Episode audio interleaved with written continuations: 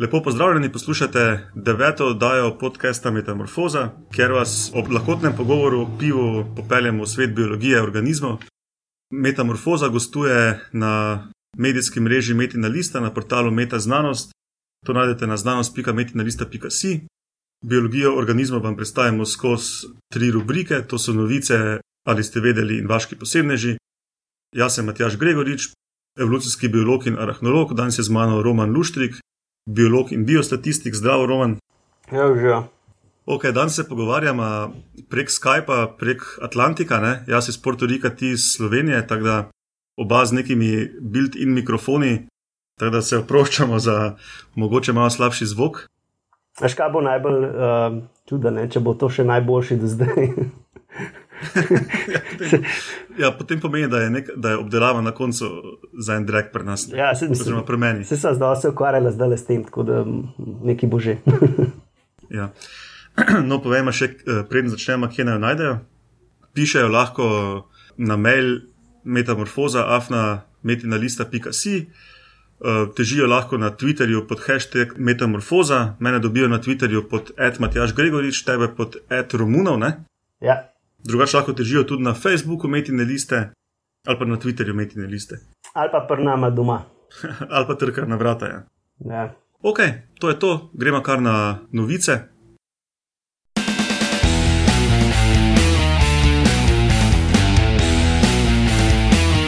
Novice.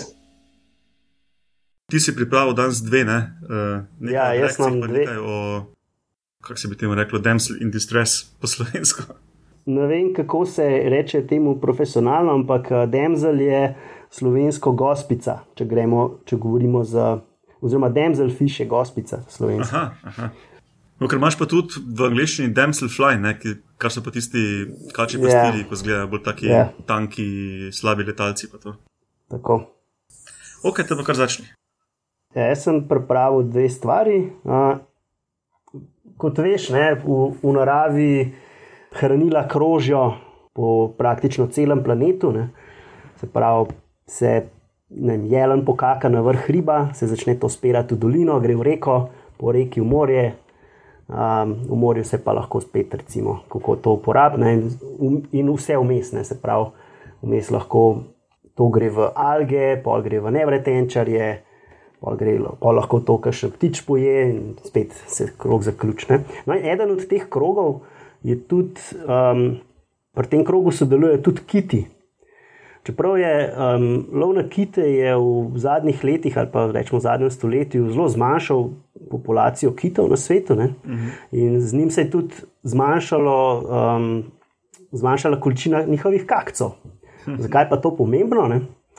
Se izkaže, da kiti se prehranjujejo uh, s hrano, ker lahko ima zelo veliko maščob v sebi. Kar pomeni, da njihov kakec tudi lebdi ne, na površju. Čeprav tudi človeški kakec lebdi, pa ni treba full mastnega jesti. To sem enkrat testiral v Ohridu, ker smo bežali pred kravam, ampak to je mogoče za en drug podcast. No, in se kice recimo iztrebi v vodi, na površju rečemo. Ne? Uh, in to je hrana za ogromno različnih uh, rakcev, rib, uh, in te rakce pol ptiči pojejo, te ptiči grejo, pa se recimo iztrebljajo na kopnem, uh, in je lahko tak krog zaključen. Zato, ker kiti, uh -huh. recimo kit, se, uh, kit glavač se potaplja tudi recimo, po en kilometr globok, zato da ujame tistega ligna, uh -huh. to urjaškega ligna, ne? to ni tisti kalamar, ne krožnik. Ne? Um, in pač ga poje, in potem, ko se iztreb, praktično iz globokih oceanov potegne hranila gor na površje, in spet se tak krog v vodi zaključ, uh, sklene. Uh -huh. um, je pa zdaj, pač, ker je teh kitov bistveno manj, ne, je ta krog zelo osiromašen, uh, prehoda nutrientov na kopno pa praktično ni. Uh, Eni so iz Amerike šli modelirati ne, in so ugotovili, da je približno samo še četrtina tega, kar je bilo še pred, teden, pre, pred tem, preden so začeli masovno izlavljati kite, samo ena četrtina tega najde na kopno. Uh -huh. Tako da je v bistvu zelo zmanjšano. Ne.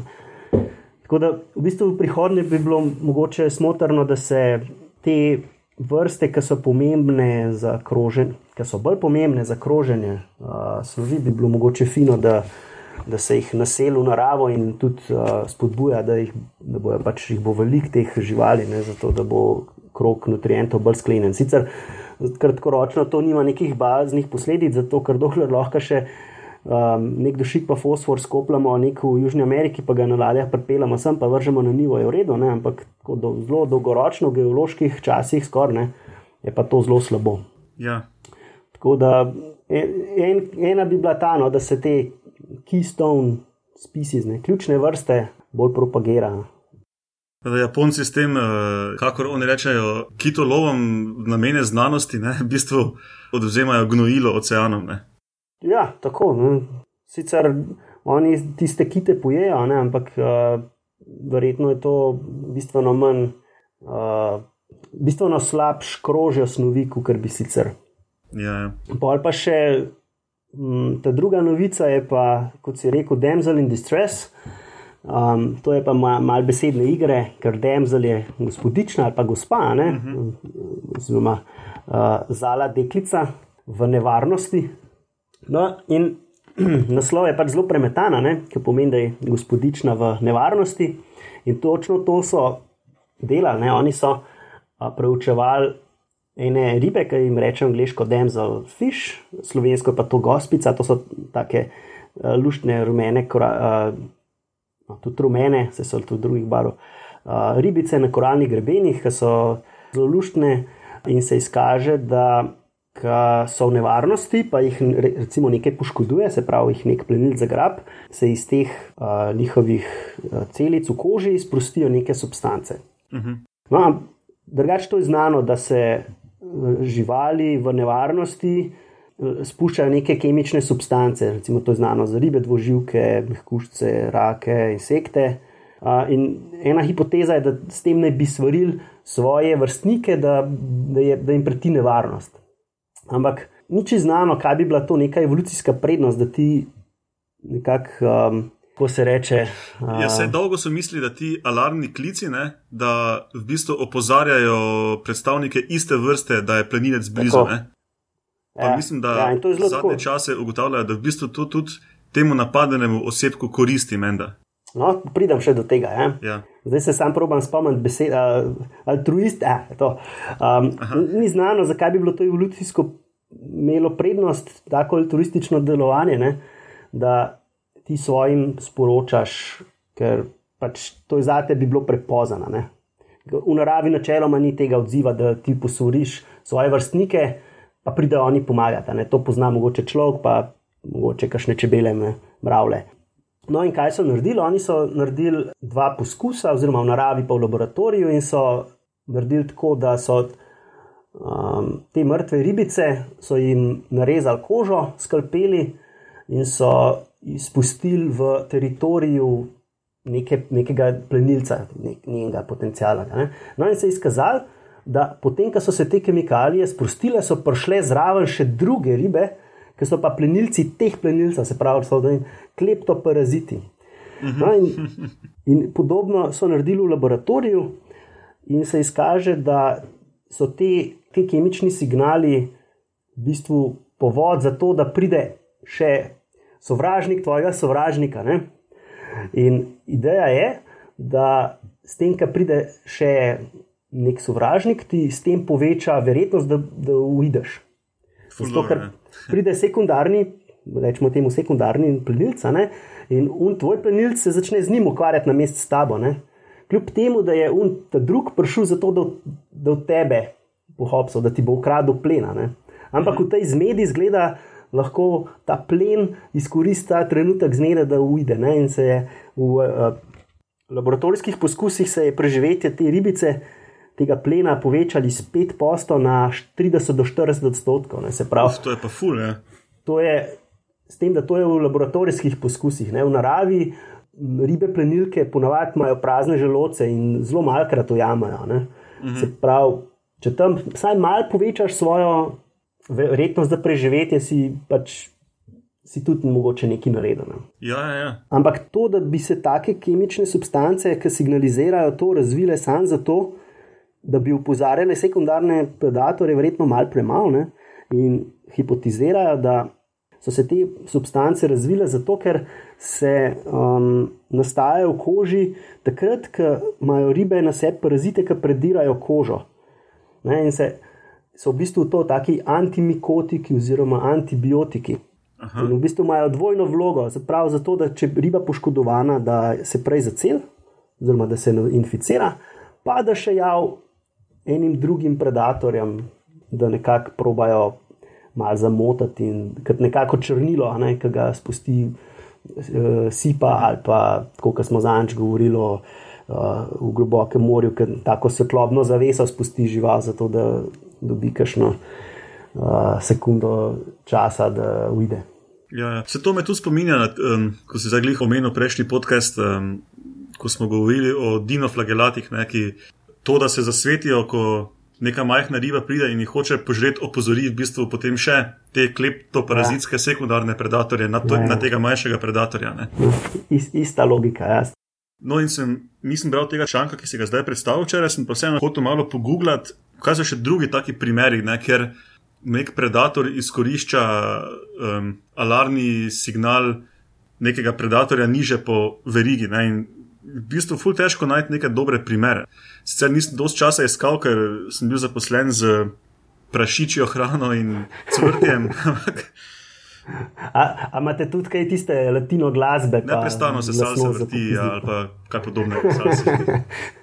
ja, ja. Eh, teda, ne vem, poznaš kakšne druge primere podobne? Recimo, ful je narejeno na pač izkoriščanju nekih um, spolnih signalov, oziroma paritvenih signalov strani plenilcev, ne, ne pa toliko teh alarmnih klicev. Ne. Tega je dosti manj no, v mm. literaturi. Ja, jaz bi verjetno, če, um, ena taka bi bila, recimo, da bi pogledal primere v Savanine, tam je verjetno tega kar nekaj.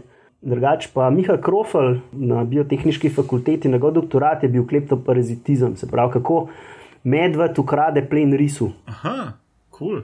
In zdaj, kako točno najde ta plen, ne vem, če je znano, verjetno po vonju. Ne, ne vem pa, ali, ali zna tudi kakšne druge znake uporabiti, se pravi, da vidi, ne vem, krokar je, ki krožijo ali pa kaj ta zna. Ja, ja, de, von je definitivno tisti, ki vsaj mikrolokacijo zvoha. Uh -huh, uh -huh, ja. In podobno imajo tudi v Ameriki s črnim medvedom, pa, pa še mislim, da so uh, neko pumo, oziroma kugar, nekaj takega. To je podobno risu, no? zelo podobna interakcija. Ja. Ok, super. Kaj pa ti pravi? Ja, um, no, šla smo iz uh, kroženja snovi, pa prehranjevalnih verig, pa zdaj iz, smo nekaj prišli na plenilce, pa bomo ostali malo še pri krokodilom, bomo šla krokodilom. Oziroma, kot bi, rekel, kot bi rekli v angleščini, krokodilomorfom, ne? ker oni imajo krokodili in aligatorji, mi, mi, mi se mi zdi, da kar vsemu krokodili rečemo. Ja, tri imajo, ne? pa imajo pa še une, ravi, ko so ravide ali nekaj tasga, unik imajo ful dolge, pa oske. Ja. Uh... No, pač um, ti krokodili in krokodilom podobni ptiči. ja, tako. no, ta, moče moramo razložiti to šalo, to v bistvu sploh ni šala, ker. Um, krokodili, pa dinozauri, pa ptiči, mislim, da spadajo vsi v eno skupino. Ne? Mislim, da so krokodili še starejši od dinozaurov, če se ne motim. Kaj da so? Mislim, mislim, da niso njih sestrske skupine, ampak uh, so pa že zelo stari. Ja. No, ampak mislim da, so, mislim, da so te tri skupine monofiletska skupina napram drugim tako imenovanim plazivcem. To pa je. Ja, to pa je. Da so potem ven iz tega kače, pa želve, pa tako dalje. No, kakorkoli, Ta, ta tretja novica govori o plenjenju povezavi z spanjem. Eh, pač spanje v naravi je neko potratno, um, potraten dogodek. Ne? Ti, ko spiš, si ranljiv pred plenilci, in po drugi strani ne moreš pleniti. Pri vodnih sesalcih, recimo delfinih, pa pri nekaterih ptičih je znano, da uh, je znano tako imenovano unihemisferično spanje, kar pomeni, da žival spi samo z eno polovico možganov. Druga polovica možganov pa pač ne spi, in ponavadi je tudi eno oko odprto in uh, žival opreza za plenilci. Recimo, mm, to je pri hudurnikih, mislim, da tudi uh, letajo, da je tudi polovica samo uh mhm. -huh. uporablja. No, je pa to menda slabše raziskano med neletečimi plazivci. Krokodili. med neletečimi ptiči. No, uh, in zdaj so raziskovalci iz ZDA raziskovali to pri krokodilih. In so sicer so vzeli samo mlade krokodile zaradi varnostnih razlogov in so jih dali v tri skupine.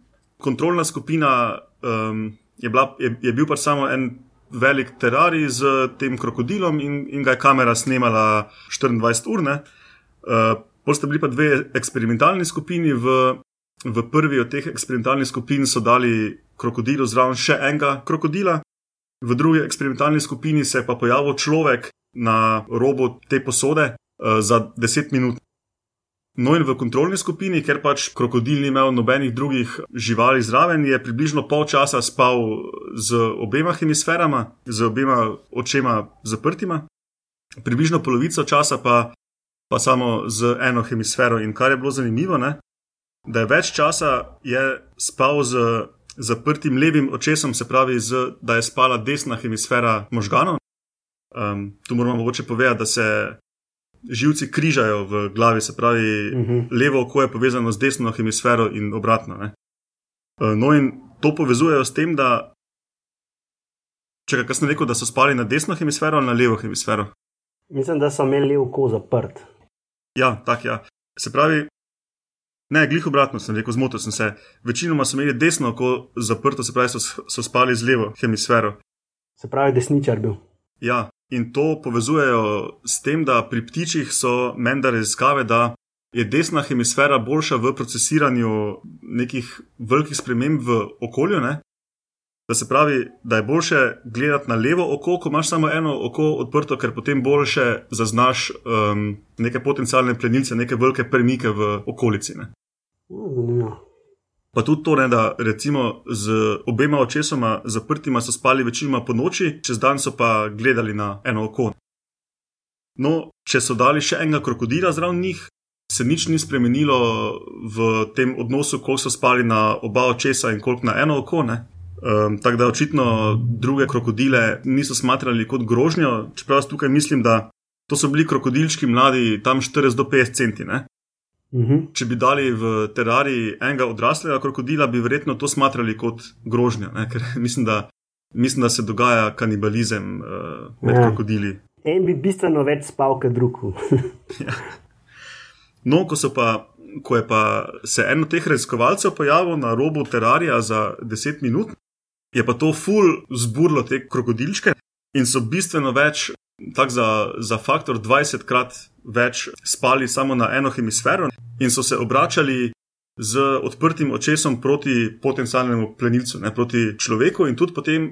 Po teh desetih minutah, ko je ta človek odšel iz vidnega polja, so še več ur bili tako pozicionirani, da so, da, da so gledali v tisto smer, um, v kateri so zadnjič videli človeka. Ne.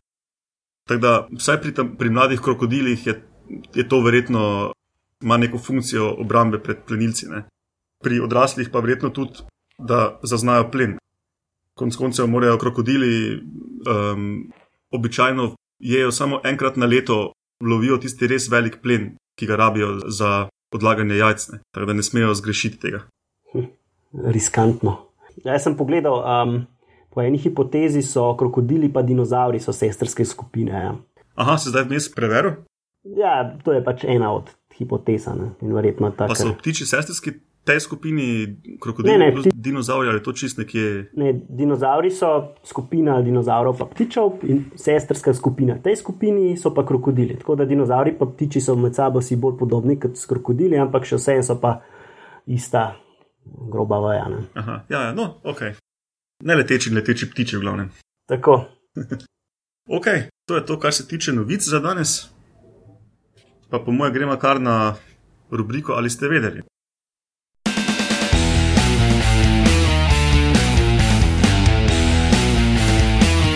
Ali ste vedeli?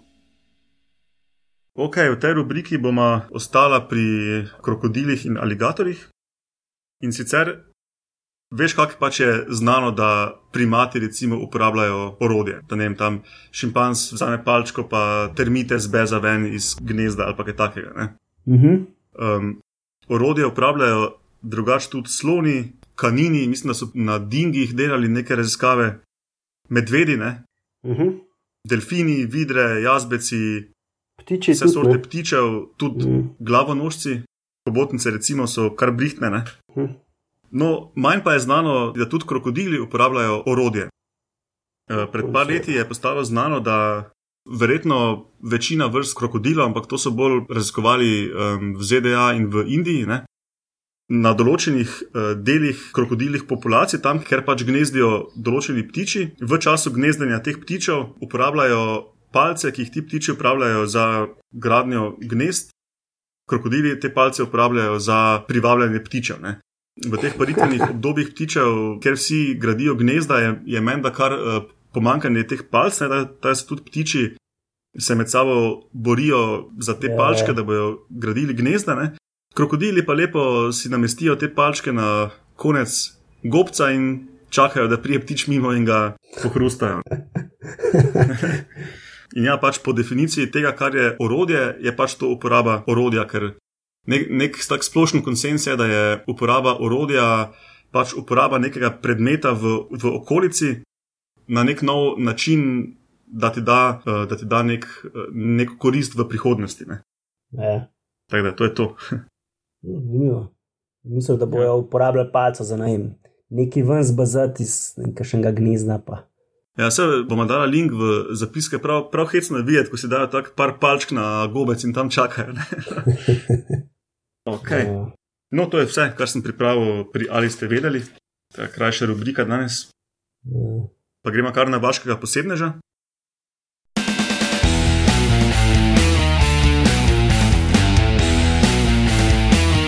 Vaški posebneži. Mhm. To bo pa mislim, da bomo največjega ali nekaj tasga. Ja, zdaj smo spet pri velikosti, kar je bila eh, neka rdeča nit, kar nekaj oddajne. No, pa se bomo vrnila k tistemu kitu glavaču, ki si ga omenil na začetku. Um, eh, ne vem, če kaj koristi povedati latinsko ime. Mhm. Fiseter macrocephalus. Hecno je, da ga um, v angleščini imenujejo sperm whale. Ja, pa smo spet tako. In- Ja, smo spet pri tem. Ja. No, ampak dejansko so mislili, da v tej ogromni glavi, ne, kjer taka neka spermi podobna tekočina, so včasih mislili, da je to res sperma. Sicer ne vem, zakaj so mislili, da ima kit spermo v glavi, ampak pač to so mislili. Ne. Lej, Čudna so božja pota, kaj češ. Ja, pač danes, danes vejo, da, da to ni sperma in da ima to neko drugo funkcijo, pa več o tem malo pozneje. Tega kita sem izbral danes zato, ker je to največja žival, ki ima zobe in tudi največji plenilec, ki ima zobe. Ne? Pač, um, sicer sinji kit je večji, ampak uh, spada med tiste brez zobe kite, ki filtrirajo plankton. Mhm, tisti vos- z vosmi. No, ta kit. Poprečno samci zrastejo v dolžino 16 metrov, v ekstremih pa tudi do 20 metrov in tehtajo do 14 ton. V spodnji čeljusti imajo 18 do 26 zob, ki, se, pot- ki potem tako nasedajo v jamice v zgornji čeljusti, zgornja čeljust ima pa samo um, rudimente zob in redko pokukajo ven z kože. Ne. Mhm. Um, no, in kot si rekel, zelo globoko plavajo, da plenijo, običajno sicer 300 do 800 metrov, ampak ekstremi so pa tudi do kilometra dva. Ne? No, in um, žrejo menda običajno srednje velike lignje, lahko pa tudi hobotnice, ribe in celo te orjaške lignje, ne? Mhm. ki tehtajo tudi več 100 kg in um, so v bistvu veliki kot kiti sami. Ja. No, in to nas privede do te tekočine v glavi. Ne, uh, ne vejo čist dobro, zakaj to tekočino uporabljajo, ampak sta dve hipotezi, ki ste lahko obe hkrati pravilni. Ena je, da to uporabljajo za eholokacijo, Mhm. tam dol pač globoko, ko je tema. Ne. Druga hipoteza pa je, opazili so že, da kiti spuščajo neke klike ne, in mislijo, da ta tekočina nekako so ustvarja te, te klike, poke. Ne. Um, čakaj, a, aha, za nek avto mimo šel. No, in um, da ta tekočina jim pomaga te, te kratke poke, klike ustvarjati do 230 decibelov glasnosti, No, to je pa oranka. Ja. in da s tem v bistvu omamijo ta ogromen plen. Ne? Ker v bistvu vejo, da ti kiti lahko tudi te orjaške ligne plenijo, ni- niso pa še nikoli videli, kako se to zgodi. Ne? In Mhm. pač ena od hipotez je, da ta ogromna glava s to tekočino spermasto jim omogoča v bistvu ta blazen zvok sproducirati in omamiti ogromen plen. Tak velik resonator v bistvu. Ja, Ja, Boombox. Predstavljaj si enega kita, Taka tanka ustica ima, prav, prav hecno si je predstavljati, kako sploh to ulovi enega lignja, ki je enake velikosti. Ja. So pa videli že, ne, da na kitih uh, take sledi velikih priseskov, ki so bili res. Ko ekstrapoliraš, na koliko velika žival je to, ne, je to res 10 plus 20, 10-20 metrov dolga žival. Ne.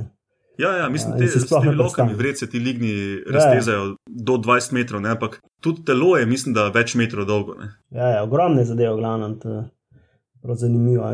Se pa to relativno redko vidno. Včasih kakšnega naplavno obalo, pa uh, včasih imajo uh, kakšne vabe, pa kamere gor. Mm. In tam se vidi, da pride neki in pol šele ki pač na sliki ne zgleda neki velik, ampak ki primerjaš z velikostjo tiste vabene, je to res lahko ogromna žival. Ne. Pa se mislim, da je bil zdaj glih okoli novega leta nek hype okoli enega videa, so posneli, mislim, da enega tega oraškega linja, nek japonskem morju ali nekje. Ampak nisem preveč šel po tega brata, da ne vem točno. Zanimivo, no, 240 decibelov, to je ogromno. Če pomisliš, da mislim, To je, mislim, da večkrat pa reaktivno letalo. no, vse ob tem se potem, če omami ligne, ne, se je za vprašati, kaj so razvili v evoluciji ti kiti, da njih same ne omami zvok. Uh mhm. -huh. Kljub temu lahko slišijo. Ne, da, ja, prav kul. Cool. Se oni se praktično komunicirajo z zvokom, ne, tisti, mm. tisto zavijanje, ki ga mi niti ne slišimo, šele če posnameš to, pa vjačaš, se šele slišiš, da v bistvu imajo take pesmi. Ne, to se v bistvu za navigacijo in komunikacijo uporabljajo. Uh mhm. -huh. Pa zanimivo je no, to, da imajo na čeljusti relativno malo zob, kljub temu, da imajo prostora za full zob. ja. uh, jih je sam nekaj deset. 18 do 26. Ja. Ja, mm. In samo v spodnji. Da, to se mi zdi, da se to zgleda, kot da je bolj samo za zgrabiti plen. Mm -hmm. Pravi, gre čist, tak, uh, verjamem, da je treba tako ogromen plen nekako omamiti prej. Mm. Je pa doskrat pri teh uh, živalih, ki se prehranjujejo z ribami, da imajo zobe tako, da imajo relativno velikih, oziroma špičasti, tako ne, nekako taki so. Kot recimo pri Game of Thrones, ki se un zmaj, ki začne bruhati ogen, pa to ne. Tisti zobe meni zgledajo, kot da so za ribe jesti, ne pa za ovce. Uh, Čakaj, moče nas pa George Martin preseneti. ja, a si slišal zdaj, da knjige ne bo pred serijo ven? Ja, glej, danes sem bral, ja, da um, sicer nisem vedel, jaz nisem zdaj tako blazen fan, da bi šel vsako malo novičko spremljati, ampak meni da je bil deadline za novo leto in um, je Martin Skesan dal sporočilo za javnost, da ja, žal mu ni uspelo in da še rabi vsaj nekaj mesecev pisanja in bla bla bla. Ja, ja. ampak se knjiga je že tako prehitela. Mislim, serija je že prehitela knjigo v tej zadnji sezoni. Ne? V, v nekat, za nekatere prizore, ja, ne pa posod. Ne. Če Ampak, če sem jaz prav razumel iz tega teksta, je celo tako, da, da so se malo skoordinirali vnaprej s tem, kaj on piše, pa kar seriji delajo. Um, ja, to pa ne vsem. No. Ja, skoraj zihar, zato ker on itak je svetovalec, kar vem, pri seriji. Tako da uh, so, so v navezi. Mm. Dobro, imaš še kaj? Ne, to, to je to, kar sem jaz pripravil, vse bo čist spodobna dolžina. Ne bomo kompenzirali za dolžino. Jo, če bo zvok slab, je to itak čist dovolj, če pa ne pa tudi. Dobro, nič, pa pa. Ok, Roman, hvala, da si si vzel čas. Hvala tebi za predstavitev, pa hvala ostalim, da so poslušali. Ja, hvala poslušalcem za poslušanje. Ja. Da se priporočamo za komentarje, prošle želje, eh, darila na Twitterju ali pa kako se reko, metamorfoza, afna, metina lista, pika si. Tako. Hvala za admin zadeve. ok, adijo. Ajde.